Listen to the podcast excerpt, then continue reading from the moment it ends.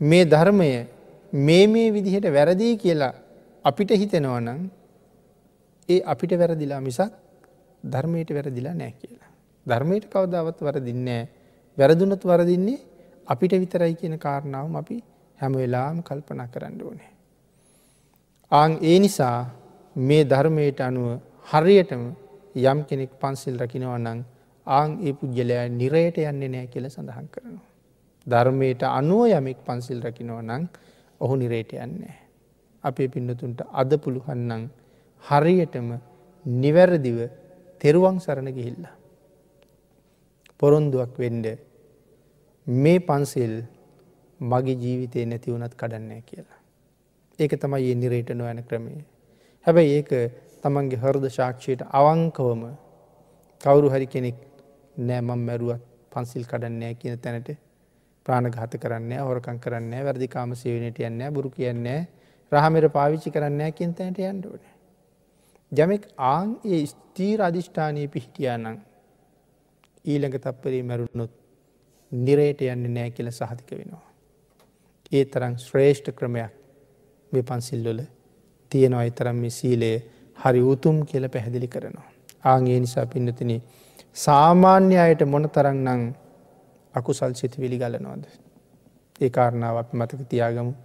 සාමාන්‍ය මිනිස්සු වෙච්ච අපිට මේ ජීවිතය ගත කරනකොට කොයි තරන් අකුසල් අකුසල් මේ ජීවිතයට පිරෙනවද. තැන් අපි ආපහු සූත්‍රයේ මුල උදාහරණයටයි මේ අන්ඩ හදන්නේ. එතන උදාහරණය සඳහන් කලා ඇඟ පුරාම වන වෙලා සැරව ගලනවා වගේ දුගඳ හමන මිනිහෙක් ගැන එක භාගිතුන් වහසි උදාහරණයක්. ආගේ මනුස්සයගේ උදාහරණයට මේ යන්ඩ හදන්‍යාපව. සාමාන්‍ය අපිට කොච්චරා කුසල් පිරෙනවාද. අපේ හිතන්ඩ. උදේ පාන්දර නිදි පැදුරින් අවදිවෙච්ච තැනීදලා.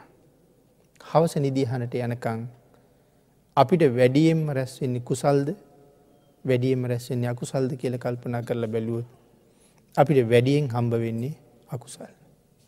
එනම් ඒ අතර කුසල් හම්බ වෙලා තියෙන්නේ බොහොම ටිකයි. එහෙනම් දවසේ පැවිසි හතුර තුළ වැඩියෙන් හම්බ කරලා තියෙන්නේ අකුසල් අඩුවෙන් තමයි කුසල් හම්බ කරලා තියෙන්නේ. එතකොට මාසයක් ගිහිල්ල බැලුවොත් කුසල පක්ෂය බොහොම කුඩයි අකුසල පස්සේ හුඟක් ලොකුයි. අවුරුද්දක් ගිහිල්ල බලහම්. අවුරුදු දහයක් ගිහිල්ල බලහම්. අවුරුදු පණහක් විතර ගිහිල්ල බලහම් කුසල් කොච්චරද අකුසල් කොච්චරද. දැන් එහෙනම් අපි තීරණය කරන්න වෙන්න නැද්ද මේ කුසල් අකුසල් පර්තරයේ අකුසල් කන්දේ උසයි කුසල කන්දේ ප්‍රමාණයයි දිහා බලලා දැන් එහෙමුණුත් බර වැඩි තියෙන කොයි පැත්තද අකුසල් පැත්ත. මේ අකුසල් කන්ද කරගහගන මට පුළුවන් වේද සුගතියකට යන්න කියලා. එහෙම නන්දැන් අපින් වෙනස් වෙන්ඩ ඕනෙමකක්ද. කුසල් පැත්ත උස ගිහිල්ලා අකුසල් පැත්තයි මිටි වෙන්ඩ වෙන්නේ. ආං ඒකයි භාග්‍යතුන් වහස දේශනා කරන්නේ නිරන්තරයෙන්ම සාමාන්‍යයෙන් අපි ගාවට ගලාගෙනන්නේ අකුසල් සිතුවිලිමයි. කොහෙන්දේ අකුසල් සිතුවිලියෙන්නේ. ඇහෙන් ගලන්නෙත් අකුසල්. කනෙන් ගලන්නෙත් අකුසල්. නහයෙන් ගලන්නෙත් අකුසල්. කයෙන් ගලන්නෙත් අකුසල්. මනසින් ගලන්නෙත් අකුසල්.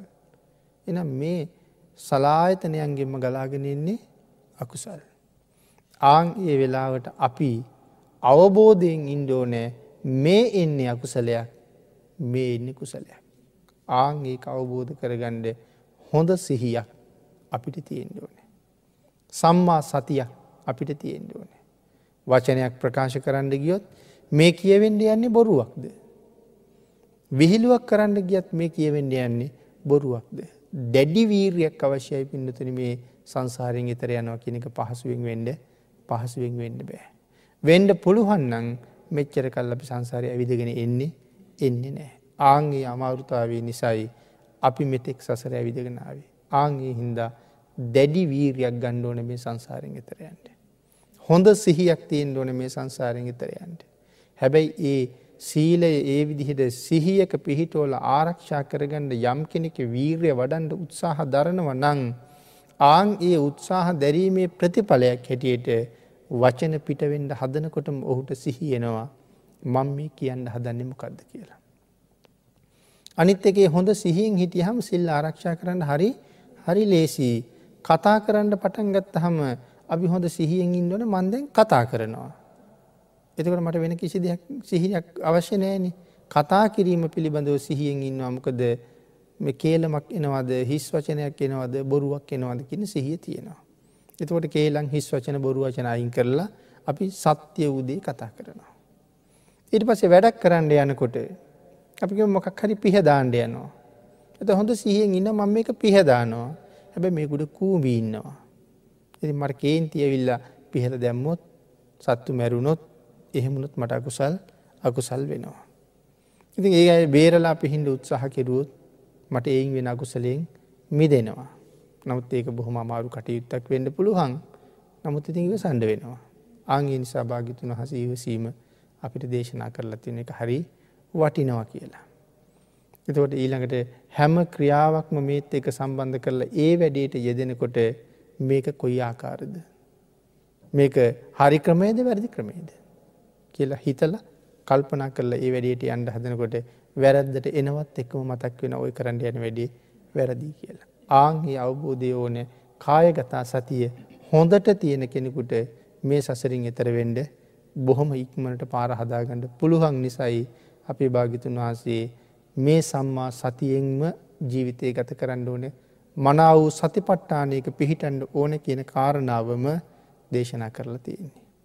එන ඒ කාරණාව සිහි තබාගෙන නිරන්තරයෙන් තමන් සිදු කරන කායික වාචසික මානසික ක්‍රියාවන් පිළිබඳව හොඳ අවබෝධයෙන් ඉඳගෙන මේ ගලන්නේ පවුද මේ ගලන්නේ පින්ද කියන කාරණාව දැනගන්න ඕනේ පව් ගලන දොරට පුළුවන් තරන් වහලා ජීවිතයට කුසල් ගරන්ඩ ඉඩහරිනවා කියල කියන්නේ මේ ජීවිතයට දිවාරෑ දෙකේ පින් ගලන ගංගා අටක් භාගිතුන් වහස පැහැදිලි කලා තෙරුවන් සරණයෑම සහ පන්සිල් ආරක්ෂා කිරීම.